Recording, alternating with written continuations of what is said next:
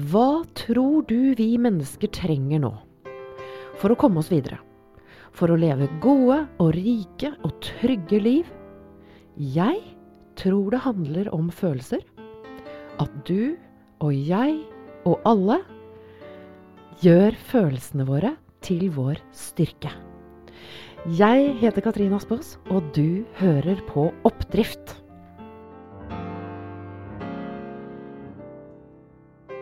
Her altså sitter jeg med en dame som har inspirert meg i så mange år. Eh, det er matematikeren som ikke er så veldig glad i tall, men elsker eh, geometri og strukturer. Er eh, Hun sier det at doktorgraden hennes i matematikk fra Oxford, det gjør henne mindre spiselig i næringslivet. Hun er gründeren som bygger bedrift inne fra klesskapet sitt. Hun er landets teknologidronning. Velkommen, Silvia Ceres. Tusen takk, Katrine. Veldig hyggelig. Hvor, første spørsmålet mitt nå. Hvordan er det å være ute av klesskapet? ja. Det er litt deilig og litt skummelt, kanskje. Ja. Føltes Du vet, korona. Det føltes litt sånn uh, den der The Witch, the Witch, and the Wardrobe. Uh, jeg, uh, vi har pusset opp et gammelt hus på Fornebu, og der har jeg fått en slags mammahybel. Og det er et soverom som da har tilknyttet bad, og et, et, lite rom som da ble stort sett et sånt walking closet. Men når jeg trengte et kontor, så bygget jeg kontoret mitt der også. Og de som har sett noen av de podkastene jeg har gjort fra det rommet, har kanskje lurt på hva som er på veggen. Men det viser seg at uh, det som er på veggen, det er uh, sånne kokoskuttinger uh, uh, osv. for bedre lyd. Og så har jeg sittet bak det bordet med fantastisk utsikt, må jeg si, da, utover Holtekilen i ca. to år, ca. uten stopp. Og siste gang du og jeg snakket, så sa jeg at nå tror jeg jeg har sittet her i åtte timer uten å reise meg, så nå vil ikke kroppen mer. Så det er deilig å være ute, da. Å, så godt. Det er utrolig godt å ha deg her. Og jeg trodde først, kan jeg, kan jeg si det, for har, jeg har jo aldri truffet deg. Jeg sitter jo her og er starstruck. eh, og er så eh, Gleder meg sånn til at vi skal snakke sammen nå. Og for jeg, første gangen vi så hverandre, eller første gangen jeg så deg sånn uh, Real life? Nei, ikke real life. Aldri sett deg real life. Men første gangen jeg så deg, da, da satt du inne i det jeg trodde var dusjen din. For jeg trodde du satt i dusjen. Og det var inne i det klesskapet. Og det var i forbindelse med en sånn TED-konferanse. Uh, TED uh, hvor du holdt foredrag uh, om teknologi. Jeg holdt foredrag om emosjonell styrketrening. Og da trodde jeg du satt i dusjen.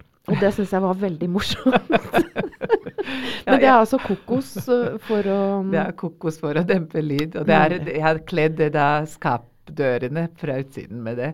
Men, det. men, jeg har hørt om masse folk som har hatt kontorer de underligste steder under korona. Og jeg har hørt om folk som har sittet ned i vaskekjelleren uh, i mange timer, for det er der det var ledig plass. Uh, men uh, dusjen tror jeg er unik for meg, det. Ja, det tror jeg også. Det er helt unikt for deg. Du Silvia, du har en veldig spennende historie. kan ikke du fortelle litt om det? Hvor, uh, hvordan uh, Ja, fortell ja, Hvor lang tid har jeg? Ta nei, altså, Fem minutter. Ikke sant? Ta, for, nei, men bare fortell historien ja. din. Nei, altså jeg er opprinnelig fra gamle Jugoslavia, et land som ikke fins lenger. Og der har jeg også vært en minoritet, for jeg er ungarsk. Og der bor det en halv million ungarere i Jugoslavia. Hvor Ungarn eh, ble også kuttet ned til en fjerdedel, en femtedel omtrent, av sin opprinnelige størrelse etter første verdenskrig. Og så falt Jugoslavia helt fra hverandre. Og det å liksom ha mistet uh, hjemlandet mitt to ganger, om du vil uh, det, det, minner meg om en sang som jeg har vokst opp med. Det er en sånn visesanger eh, som heter Djordje Balasjevic i dette området jeg kommer fra. Og han pleide å synge om havmann, seil, sailor, hva heter det på norsk? Uh, sjømann. Sjømannen som har mistet sjøen sin. Fordi det området jeg kommer fra, det er Panonhavet, som tørket ut. og Det er derfor det er veldig, veldig frukt, fruktbart jord og veldig flatt der jeg kommer fra. Men han snakker om det at uh, det er mange som har mistet båten sin, men ingen har mistet sjøen sin. Det har han. Og der er jeg liksom dama som har mistet landet sitt i hvert fall to ganger. Og det har vært formende i den grad at jeg tar ingenting for gitt lenger. Mm. Og så er jeg ekstremt takknemlig og glad for den eh, tryggheten og stabiliteten og likheten som vi har i Norge. Jeg kom hit som 18-åring, studerte her.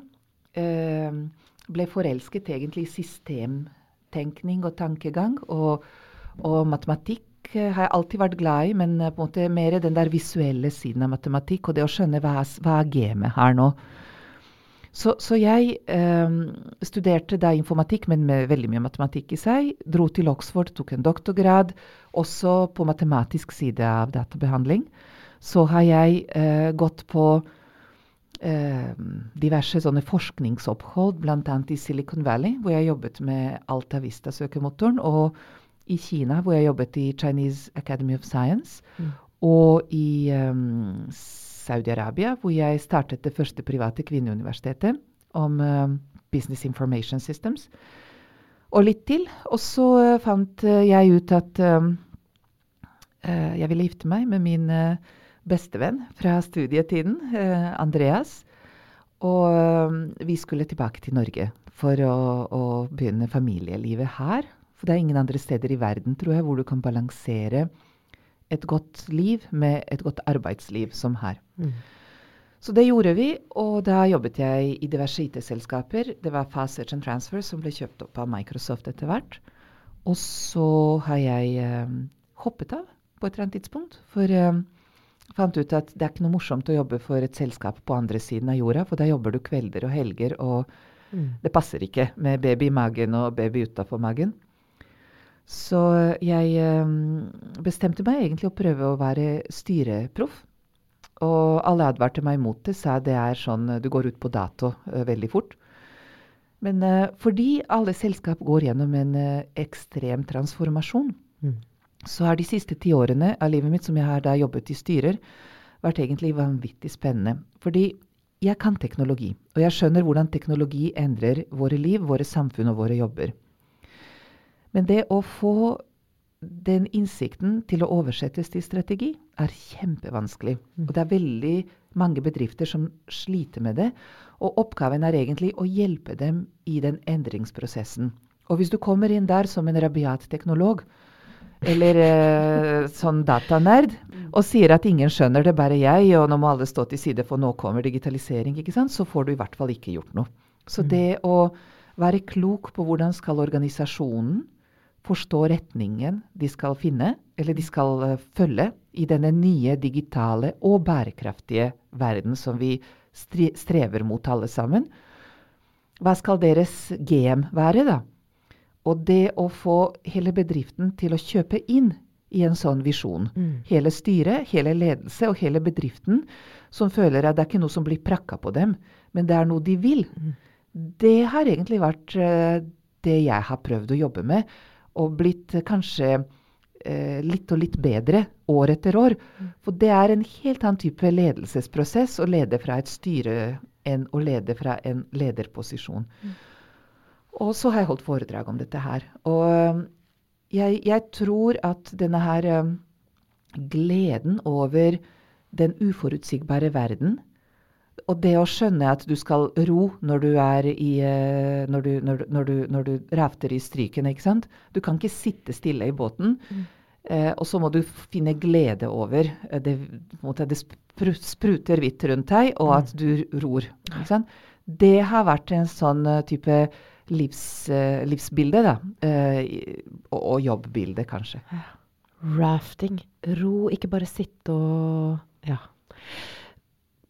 Og du har sagt så mye spennende nå, og jeg sitter og Blant annet så sa du noe om uh, rabiat teknolog. Uh, og, det, og, det, å komme inn i selskapet For det lukter jo psykologi, dette her, det du snakker yeah. om. ikke sant? Å få med seg en organisasjon. Hvordan gjør vi det? Hvordan motiverer vi til endring? Og da hørte jeg deg si at du tar ingenting for gitt. Du har med deg historien din som har formet deg. Og eh, du Hva skal jeg si? Det motsatte av bortskjemt, da. Ja. Ikke sant? Altså det motsatte av, av, av å kunne sitte trygt, sånn som eh, kanskje jeg som har sittet i Eller sitter i landet mitt, er ikke minoritet. Du kommer, har en superkraft som er kanskje Nå lager jeg meg historier, men eh, Ja. en superkraft som er eh, Hva skal jeg si eh, Smidighet Jeg, jeg tror det er noe der Utholdenhet. Ja. Jeg tror at um, vi, um, vi som har flyttet hit, uh, vi som um, kommer kanskje fra mer ødelagte land, Mm. uh, uh, vi tar ingenting for gitt. Og, og dermed så skjønner vi at endring er nødvendig. Og jeg husker at uh, jeg var for lenge siden på en Civita-akademi, hvor de da snakket om liberalisme versus konservatisme.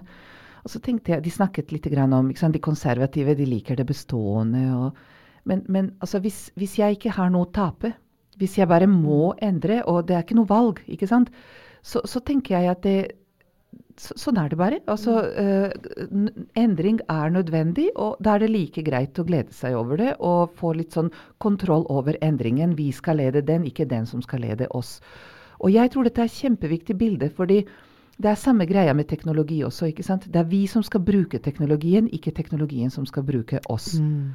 Og, da, og da tror jeg det første aksiomet, det første prinsippet, må være at ting blir endret, om vi liker det eller ikke. Jeg har måttet flytte, jeg, eh, jeg har måttet begynne på nytt, jeg har måttet finne ut av ting helt fra scratch. Og jeg tror at de som tror at nei, jeg sitter beskyttet, uh, dette er et privilegium jeg har og vil ikke gi bort osv., de må skjønne at det blir endret om du liker det eller ikke. Og da er det like greit å måtte tilrettelegge for at den endringen går den veien som du kan leve med. Mm. Så jeg blir nysgjerrig. Vi, vi kan pakke ut det etter hvert også. Det med endringsglede. Går det an å Jeg vet jo det Jeg sitter og holder meg på panna nå, og mm. sitter egentlig også litt med tårer i øynene når du snakker om å komme fra et ødelagt land. Og, og det Altså, det er en øh, jeg, Vi tar det jo som en selvfølge veldig Ja. lett at vi bor i et land som har fred, og som har det Det, det, det, det er litt, eh, litt mer nyansert enn som så. Eh, så? Jugoslavia har falt fra hverandre, men de republikkene består. da, så Serbia er den delen da som jeg vokste opp i.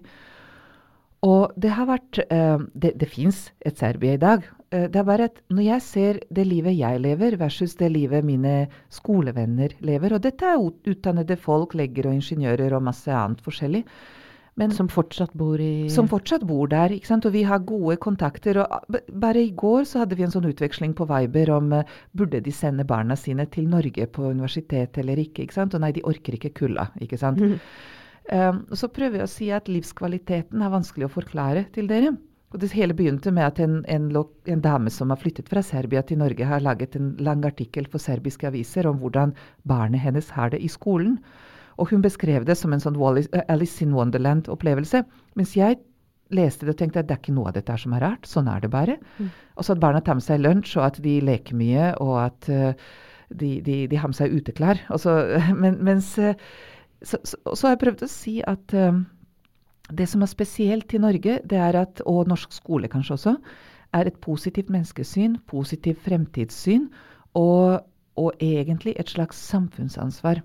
Som jeg tror ikke nødvendigvis folk som kommer i land hvor det er mye korrupsjon, hvor det er eh, dårlig økonomi og egentlig liten evne til å påvirke både livet og politikken og fremtiden til landet, eh, er. Så, så jeg tror det å, det å leve i et land hvor du føler at det er, det, det, det er proppfullt av muligheter, det er helt spesielt for dette bitte lille landet vårt. Og det klarer du å se, fordi du kommer fra noe annet. Mens vi puster i det, så vi eh, Jeg prøver bare å Dere har få vokst opp i det, ikke sant? Nemlig. Dere har vasset i det siden eh, Særlig vår generasjon, da. Ikke sant?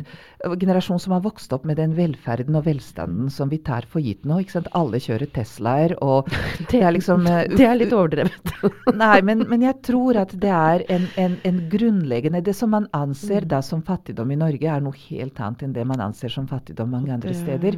Og jeg tror det blir fort maskert bort av at vi tar eh, vel, altså helse og utdanning for alle for gitt. Det er to sånne grunnleggende greier i dette samfunnet som er helt fantastiske. Men det jeg skulle si er at jeg setter ekstremt pris på det. Mm. Og så uh, har jeg, jeg har hatt liksom, dette gründerskapet med Learn osv. som mission en stund nå.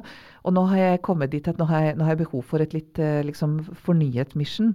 Og det kanskje å få Norge til å skjønne hvilken vanvittig oppdriftskraft det bor i dette landet det syns jeg er helt uh, fantastisk. Og så må vi liksom, særlig nå i krisetider, riste av oss litt den uh, måte, krisefølelsen og apatien, og så tenke at uh, altså Hvis det er ett land i verden da, hvor det er penger, hvor det er kunnskap, hvor det er respekt, mm. hvor det ikke er korrupsjon, hvor det er et offentlig sektor som kan samarbeide med privat sektor, eller kunne det før i hvert fall, så, så er det utrolig uh, få andre land, tror jeg. Mm. Og da å bruke de fordelene vi har, og finne ut hva skal vi bygge nå, hvilke muligheter ligger i denne krisen, jeg tror det er kjempeviktig at vi mm. gjør nå. Og jeg er, så, jeg er, så, opptatt av at ikke vi skal henge med hodet og vente at krisen skal gå over. Og nå får jeg kontakt med en følelse. Det er jo det jeg, mm. det, er det jeg driver med. Jeg får jo kontakt med en følelse av litt sånn skyld litt skam altså over å ta ting for gitt. Og det er ikke noe rart vi gjør det. Nå, nå, så, så, egentlig så er det jo nydelig å få Det er jo det som er så nydelig med å få et utenforblikk. Å se alle ressursene vi har. Å få denne her oppdriftsfølelsen, da, som er nydelig, et nydelig ord når du sitter her. Kan vi sirkle litt tilbake? Eh, for du har en erfaring til som jeg syns var litt spennende å høre om. Og det var da du studerte i eh, Bergen, på Universitetet i Bergen. Jeg hørte Jeg har gått og snust litt på deg og hørt uh, forskjellige programmer du har vært med i. Uh, blant annet så var du hos, på Drivkraft hos uh, Vegard Larsen i P2. Et fantastisk program. Og der snakket du om Universitetet i Bergen. Og du snakket om det som en litt sånn ørkenvandring. Det er var... Universitetet i Oslo. Å, det var det i Oslo, ja! Men, eh, men okay. Eh, det, var, det, var, ørkenvandring sosialt. Du brukte ordet ørkenvandring sosialt! og så sa du noe veldig gøy. Og det var eh, jeg, jeg, lurer på, sa du Det var det jeg hørte, da. Men nå hørte jeg jo også at det var Bergen. Men det var altså Universitetet i Oslo. At en kombinasjon av nordmenn og informatikk Den syns jeg var litt gøy. Fortell litt om den sosiale ørkenvandringen. Ja, dette tar oss også litt tilbake til rabiat teknolog. Da. For uh, jeg studerte informatikk på Universitetet i Oslo. Og uh, hadde bl.a. gleden av å ha en som heter Ole Handal som veileder, og Herman Ruge Jervel som min andre veileder. Som er noen av de beste tenkere innenfor uh, teorien bak datamaskiner og programmeringsspråk i verden. Og fantastisk. Og det er mange flinke folk som både jobber og studerer der. Men eh, sosialt var det tomt. Og det var eh, eh, flere uker, flere måneder eh, da jeg kom og begynte å studere og tok først eh, dette her norsk for utlendinger, språket. Rolf og også Berit som underviste oss. Det var en fantastisk inngang til Norge. Veldig fint med alle disse utenlandske vennene mine. Men når jeg endelig skulle begynne å studere det jeg skulle studere, altså matematikk og informatikk, så, så, så husker jeg at jeg gikk ut uh, i pausene, sto alene. Det regna. Mm. Det er en sånn steintorg uh, du titter ned på fra dette auditoriet. Og det var ikke noen som kom og pratet med meg. Og jeg uh, tenkte at det er jeg som er kommet til, så det er vel noen som sier velkommen eller hei eller hvem er du, av de som liksom kan språket og sånt. Det var litt sånn voldsomt å gå og buse inn, da i en gruppe som snakket norsk. Og sånn. Og det skjedde ikke. Det skjedde ikke på omtrent et år. ikke sant? Um, og jeg fikk en indisk venninne, jeg fikk en uh, venn fra Serbia som har vokst opp i Norge. Da, men det var vanskelig å bryte inn. Og da husker jeg også at det var uh, eh, en, uh, Jeg syns nordmenn var vanvittig kjekke. ikke sant? Høye, eh, flotte karer. og en av disse her som eh, da smilte til meg etter et år, tror jeg. Så snakket vi eh, Jeg, jeg likte ikke disse fredags- og lørdagskveldene på, på diverse sånne kafeer.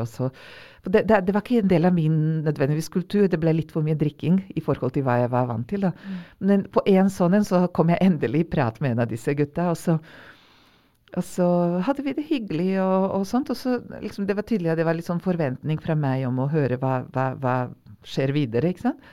Så sa han noe sånt som at uh, du er veldig hyggelig og veldig interessant, men jeg har nok venner fra før av. du skjønner opplegget. Så. Nå satt jeg og håpet på at det var Andreas. Altså at det var Andreas kom lenge senere. Han kom lenge senere. Og Uh, jeg sitter her og holder meg litt sånn fordi at det er jo rørende. Altså er, jeg får jo en ømhet for hvor eh, Hva skal jeg si hvor, hvor, kaldt det er i dette landet. Altså rent bokstavelig talt. Vi, vi påvirkes jo av, av, det vi vokser opp med. Og det er ikke så rart, tenker jeg. Jeg, for, jeg føler også et behov for å forsvare eh, det at vi er litt sånn tilbakeholdte, da. Jeg får veldig ømhet for deg som står aleine i den steinørkenen. Og så, og så, kjenner jeg guri meg så Tenk at det skal være så skummelt for oss mennesker å ta kontakt med hverandre. Hva Men tror du det er? Jeg, jeg, tror at nordmenn er um, ganske store individualister. Dere trives kjempegodt på et uh, fjell med ski på beina og liksom bare sol og vidde og snø og ingen mennesker i sikte. ikke sant? Og da kan dere til og med si hei til folk. Det er sant. Uh, men uh, altså en annen sånn følelse var at jeg satt på denne T-banen fra Jar til uh, Majorstua daglig. Og jeg skjønte ikke til å begynne med om det lukter vondt av meg, eller hva det er. Fordi du vet, man sitter sånn I disse gamle T-banene så var det sånn seks seter i en slags bås ikke sant, mot hverandre på hver side av uh, banen og vogna. Og så, så, setter man seg først i den ene, og så blir den neste fylt og neste fylt. Og så, når jeg kom inn, så satte jeg meg av og til ved siden av et menneske. ikke sant? For der, der satt det noen. Jeg kunne sitte ved siden av noen. Og da reiste den personen seg og gikk et annet sted som var helt ledig. Så tenkte jeg gud, har jeg spist for mye av den pølsa som lukter hvitløk igjen? Eller hva har jeg gjort? ikke sant? Men, men jeg tror at nordmenn er veldig individualister. Ja. Og så har dere også en eh, ekstrem lojalitet til gamle venner.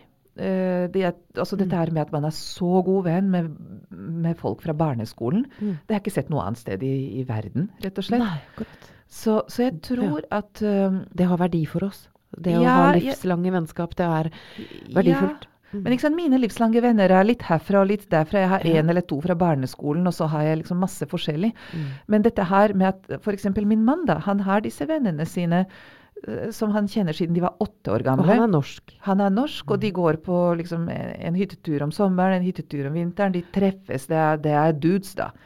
Og sånn er det med jenter også. Og eh, jeg, jeg, tror at dere eh, trenger relativt få mennesker. Har veldig sterke individuelle grenser. Mm. Vant til å klare dere selv. Stolte av å klare dere selv. Og, og, dette er kulturelt, dette det. er flott. Det er, dere er kjempesnille. Jeg vet ikke om et annet land i verden hvor det er så mye sosial mobilitet. Helt seriøst. Ja. Hvor en jente med ingen relasjoner, uh, ingen familienavn, egentlig, hadde klart å gjøre det jeg har gjort i Norge, egentlig. Nå blir jeg stolt. Nei, men jeg ja. tror ikke det fins Av deg uh, og av landet? Nei, men av landet også. uh, og, og det, er, det, er, et av de mest sosialt mobile steder i verden. Uh, og, og, barna vokser opp som sagt i et utrolig sånn positivt uh, setting. Men det er veldig individualistisk, og, og, og det, er, det, er, en annen kultur. Og vi utlendinger En venninne av meg uh, som hadde den beskrivelsen som jeg likte så godt, hun sa at nordmenn er som en termos. De er veldig vanskelig å åpne, men det er veldig godt og varmt når du først kommer inn. Oh. og det er sant. Det er fantastisk snille, lojale, gode. Mm Eh, kanskje, kanskje, ikke skru til den termosen så veldig. Altså, La folk åpne vi, den. Ja, ja, at det blir litt lettere å åpne. Det kan være en av våre sånn, felles missions. Ja. Og nå er jeg spent på Jeg har lyst til å høre deg fortelle litt om det du brenner for. Altså hva du har bygget opp nå, takk og lov, for at du har kommet til oss. Og takk og lov for at du, du kjenner på den kraften som du har. Learn. Ja. Fortell hva du, du skaper der. Ja. Um, så hvis jeg starter egentlig bare ett steg tilbake Så uh, vi brukte begrepet rabiat teknolog, og uh, jeg er en uh, veldig stolt teknolog. Eh, og veldig ofte så blir teknologene boende i sin teknologibås, i teknologisiloen sin. ikke sant? Mens jeg har med vilje gått ut derfra og inn i da, ledelse og styrearbeid og, og økonomi og så jeg prøver egentlig å forstå koblingen mellom innovasjon og uh, forretningsmodeller. Og så har jeg med tid og stunder sett også at dette her skjer ikke hvis ikke vi får eh, samfunnsperspektiver inn i dette her. Hva gjør dette med samfunnet vårt? Hvilke muligheter ligger i samfunnet vårt for å lage disse nye forretningsmodeller drevet av teknologi? Og, og da, dette her har jeg fått gjøre en del gjennom styrearbeid. Og så har jeg uh, etter doktorgrad vært eh, professor i Oxford en stund, og jeg har alltid forblitt en liten sånn misjonærprofessor. Hjertet mitt elsker å snakke, så jeg holder masse foredrag. Og det som er greia i de foredragene også, folk tror jeg snakker om digitalisering. Eller til nød digitalisering og strategi. Men det jeg snakker om, er egentlig eh, matematikk. Sånn som kaosteori, systemteori, eh, sorte svaner eh, osv. Som er nødvendig å forstå eh, for å skape en endringsvilje og retningssans i den tiden vi lever i nå. Det vi lever i nå, omtaler man som VUCA-verden. Volatile, uncertain, complex, ambiguous. En gang til. Jeg må stoppe. Eh, VUCA. VUCA. VUCA. Ja. For Volatile. Ja. Det er jo uh, den det ustabil. Er jo ustabil. Ja. Uh, uh, eller volatil er på en måte at det er, så, det er, så, veldig lett å bevege den. Det er så usikkert hvilken vei ting slår ut. Bevegelig, nettopp. Mm. U, ustabil. Og dette her har noe med at verden har gått fra å være en såkalt lineær system, som er ganske stabil, endrer seg med 2-3% hvert år osv., til å bli både sirkulær og og, og, og, det vi kaller i matematikk en um, dynamisk, ikke-lineær kompleks system, eller kaossystem. Da. Og det finnes en helt egen matematikk å prøve å forstå den type systemer. Og, og det, det, som er sikkert, er at du kan ikke fremskrive det med samme type verktøy som det du gjør når verden er stabil. Mm. Og dette vil ikke ledere og politikere forstå. Okay. De tror at de kan se på trender tre år tilbake, og så tror de at de kan fremskrive de neste tre år. Mm. Men bare se tre år tilbake. Vi var før korona. Mm. Vi var, eller da skriver vi, vi skriver slutten av mars. Korona, er det en svart svane? Det er en svart svane. Mm. ikke sant? En u, lite sannsynlig hendelse som endrer alt. Og som noen så. Ja, men ingen av oss trodde på den. Nei, ikke sant? Ikke sant? Helt til den traff oss. Mm. Og, dette, og så VUCA står der for volatile, uh, unstable, eller usikker, uh, kompleks og ambivalent eller ambiguous, altså tvetydig. ikke sant? At det er ting, ting Det er ikke sort og hvitt. Det er ikke, ah. det er ikke liksom Og det ser du f.eks. i Fosen-diskusjoner. ikke sant? Ja. Altså Alle er for både renere luft og bedre klima, og for naturmangfold og urbefolkningens rettigheter. Men disse tre målene er i direkte konflikt med hverandre. Ja. Sånn at den der tvetydigheten er nødvendig å kunne operere med. Og det å kunne navigere kaos med en retningssans for hva vi er gode på Navigere kaos med en retningssans. Med en retningssans. Mm. Hører, det, jeg er så spent på hvordan dette lander hos ja. deg som hører på. fordi kan du kjenne igjen det kaoset? Jeg sitter og kjenner det igjen. nå. Bare tenk tre år tilbake. Mm. Det var før korona, eller akkurat nå vi, vi snakker, hva snakker vi om slutt, siste dag i mars i dag. Uh, når vi gjør opptaket, og uh, det er 12. mars 2020, så litt over tre år, akkurat over tre år siden Norge gikk i sort. ikke sant? Så tre år siden vi trodde ikke på korona, men vi trodde heller ikke at energipriser skal gå opp 2000% eller at det skal bli en krig i Ukraina, eller at det ikke skal være nok chipper til å lage nye elbiler, eller at det skal bli mangel på mat og grønnsaker. Eller, liksom, det er så mye som har truffet oss. Mm. Så, og, og da tror jeg at du kan bare spørre deg selv tror jeg de neste tre år bringer mindre eller mer endring? Tror at verden er blitt mer stabil eller mer ustabil? Og hvis du tror på det siste, og jeg tror at det blir i hvert fall eh, tre, om ikke ti år, med litt sånn eh, stormende verden, da, så tror jeg at vi er nødt til å for det første ikke vente. For det andre ikke tro at det går over eh, sånn, og så blir det sånn som det var før. Mm. Så, så dette her med at vi definerer den nye normalen, og det gjør vi med en sans for hva vi vil at den skal bli. Ikke hva 'la oss se hvor dette lander', type. Og, og, og, det har jeg lært da, ved å ha blitt kastet inn i nye systemer, nye land, flere ganger. Og det er en muskel som jeg tror vi må utvikle i dette stabile landet vårt. jeg, jeg, flekser litt sånn muskler her nå jeg, og smiler, fordi jeg, blir, og, øh, jeg kjenner at jeg blir øh, håpefull over at vi kan ha litt slappe kaosmuskler. Uh, ikke noe rart vi har slappe kaosmuskler. Vi har levd i fred i dette landet siden 1945.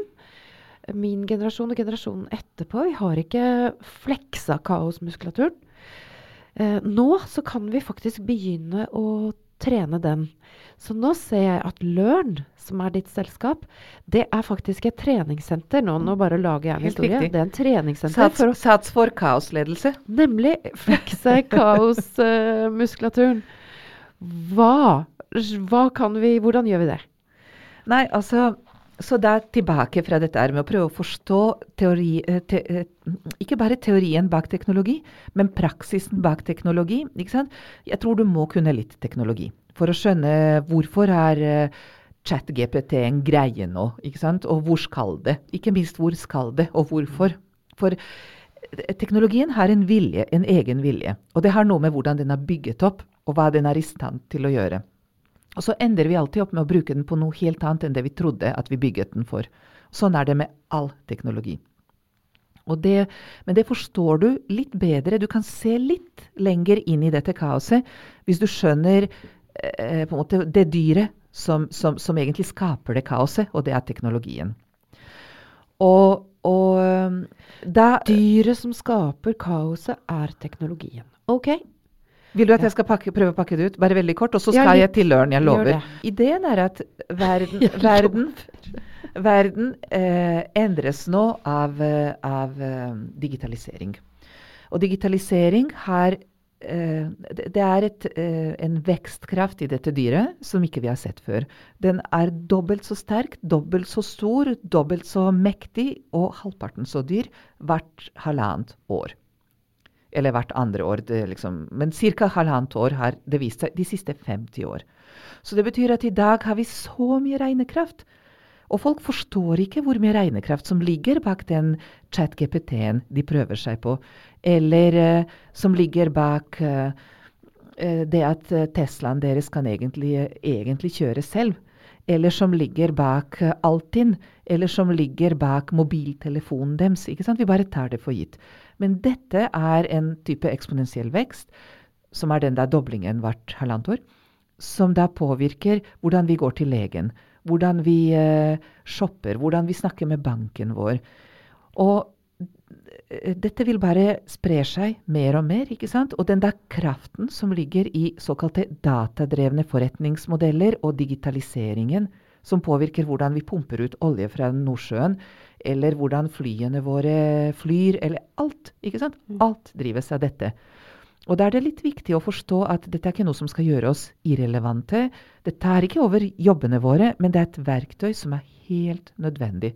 Og det er de som klarer å temme dette dyret, eller få det til å gjøre det de vil, som kommer til å være de som lykkes i fremtiden.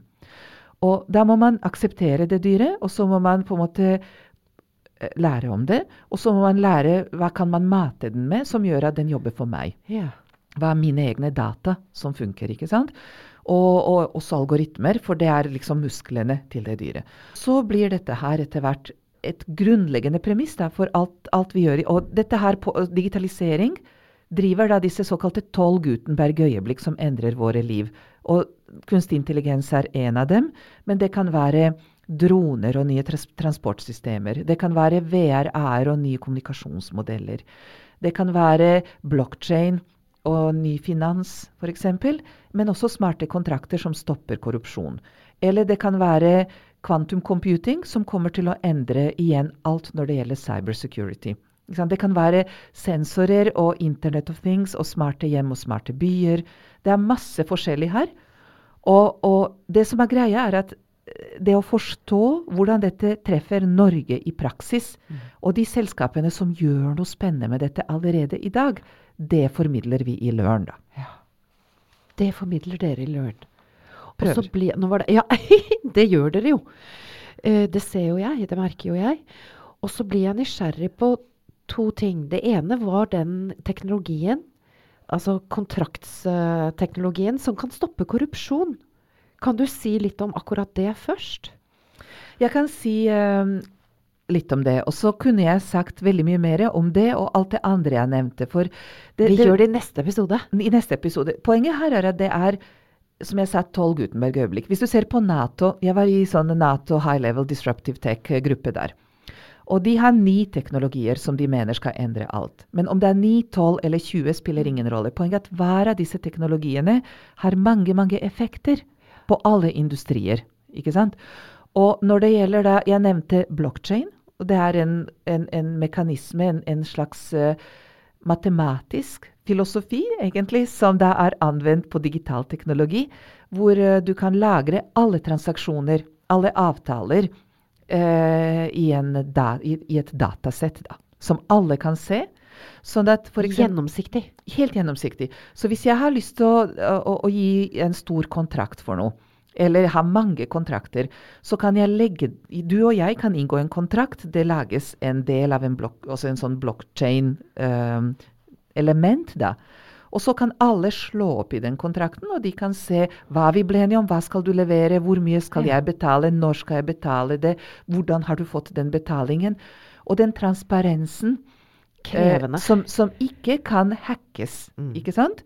Den, er, eh, den krever en del regnekraft osv., men det gjør at uh, vi kan ikke jukse lenger. Nei. Og, og det er litt sånn sam, sam, sam, tenk, på, tenk på det Altinn har gjort med uh, vår, vår lands vilje til å betale skatt. Det har skapt en ny tillit til at du betaler den skatten du skal. Mm. Og det, det, det tror, det stoler alle på. Og det, den, og det er veldig viktig, ikke sant? For her vet jeg at det er riktig det jeg betaler, men jeg vet også at det er riktig alle de andre betaler også. Ikke sant? Og, og jeg tror dette her, god teknologi kan også skape tillit. Ja. Ikke sant? Så, og så det, er, er vi ute etter. Og så ble jeg nysgjerrig, for nå snakker vi om å temme dyret. At Mhm. de av oss som, eh, som våger det, og som har den, eh, de ferdighetene, da.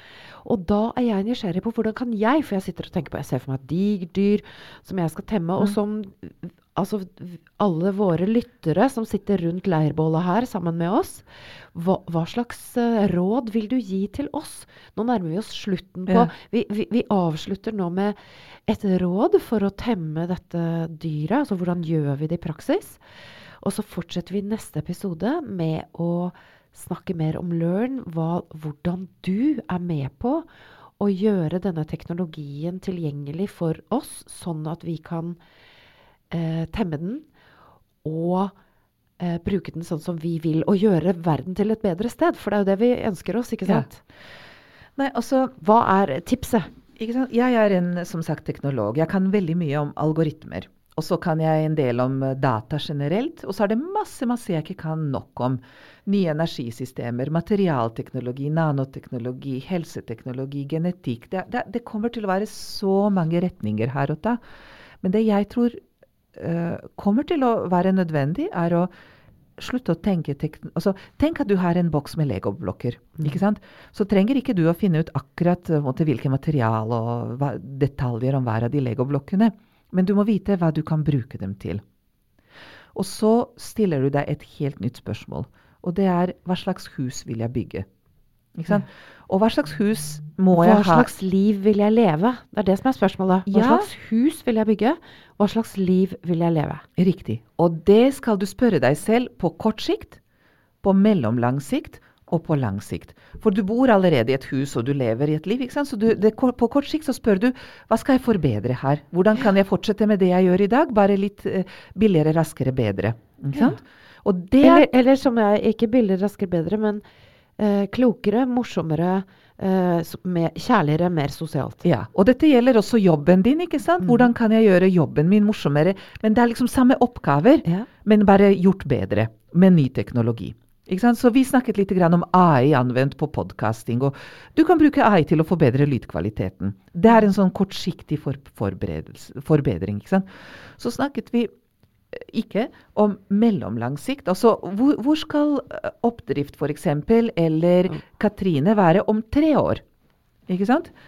Og, og da er det litt sånn at du skal, du skal eh, være veldig, veldig glad. Kanskje du skal ha et, eh, enda mer eh, balanse i livet ditt. Kanskje du skal bruke mer tid på reising. Kanskje, du- jeg vet ikke. ikke? Jeg kan fortelle deg det etterpå. Men det er litt nye forretningsmodeller. Ja. ikke sant?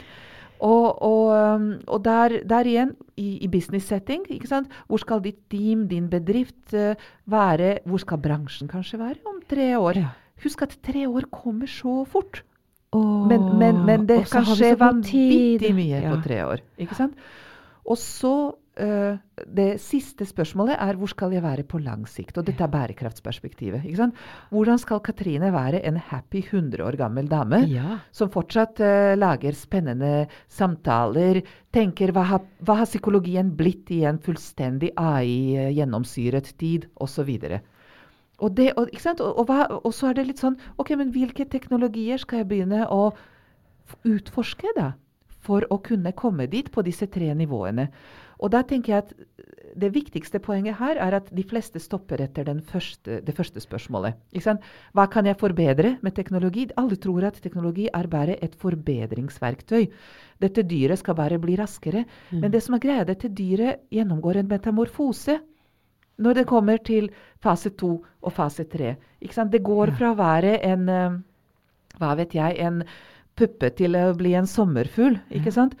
Og, og det, eh, det, det å tenke gjennom den transformasjonen, det tror jeg er kjempeviktig. ikke sant? Og så, så, så det, å, det å, tørre, å tørre å leke med, med disse greiene. Så min oppfordring til folk, hvis ikke du har lekt med en chat-GPT, hvis ikke du har prøvd å finne ut av hvordan du kan lage kjempekule illustrasjoner for din neste barnebok med Midjourney, gå, gå, gå og bare les. Les på, på, les på nettet. google. Google og, og sett av et par timer hver uke. Timer. Og lek. Et Og par lek. timer å google uh, ChatGPT. Jeg, jeg skriver, ja. Bruke teknologien. Og så får jeg jo lyst til å Altså fordi du, du sa det, hva slags hus vil jeg bygge av legoklossene? Hva slags liv vil jeg leve? Og det er jo et veldig ansvarliggjørende og stort spørsmål som vi nå sender ut til takk og lov for deg som hører på og bruker din dyrebare tid. Jeg har bare lyst til å takke deg for at du bruker din dyrebare tid sammen med Silvia her, fordi hun har eh, Og takk for at du, Silvia, har brukt din dyrebare tid i episode én. Dette kommer til å fortsette, og det vi går ut med nå, det er jo hvordan kan vi temme dette store, ville, fantastisk vakre, kanskje også litt farlige dyret som er teknologi? Eh, hvordan, hva slags liv ønsker du å leve? På, hva, hva kan vi gjøre med sånne småendringer? Og hvor, hvor er du om tre år? Og det kan vi fortsette å snakke om i neste episode. Takk, Katrine. Så tusen takk for at du har vært her. Vi fortsetter jo alltid samtalen i, eh, i klasserommet vårt. Det evigvarende, brennende leirbollet som heter Emosjonell styrketrening på Facebook. Så der er vi jo digitalt allerede. Og jeg kjenner på meg nå, jeg bruker det digitale, jeg bruker teknologien til å skape digitale leirbål der vi mennesker kan sitte og lære sammen og bli glade sammen og gråte sammen og komme hverandre litt nærmere, sånn at vi ikke står i hver vår steinørken. vi fortsetter samtalen. Takk.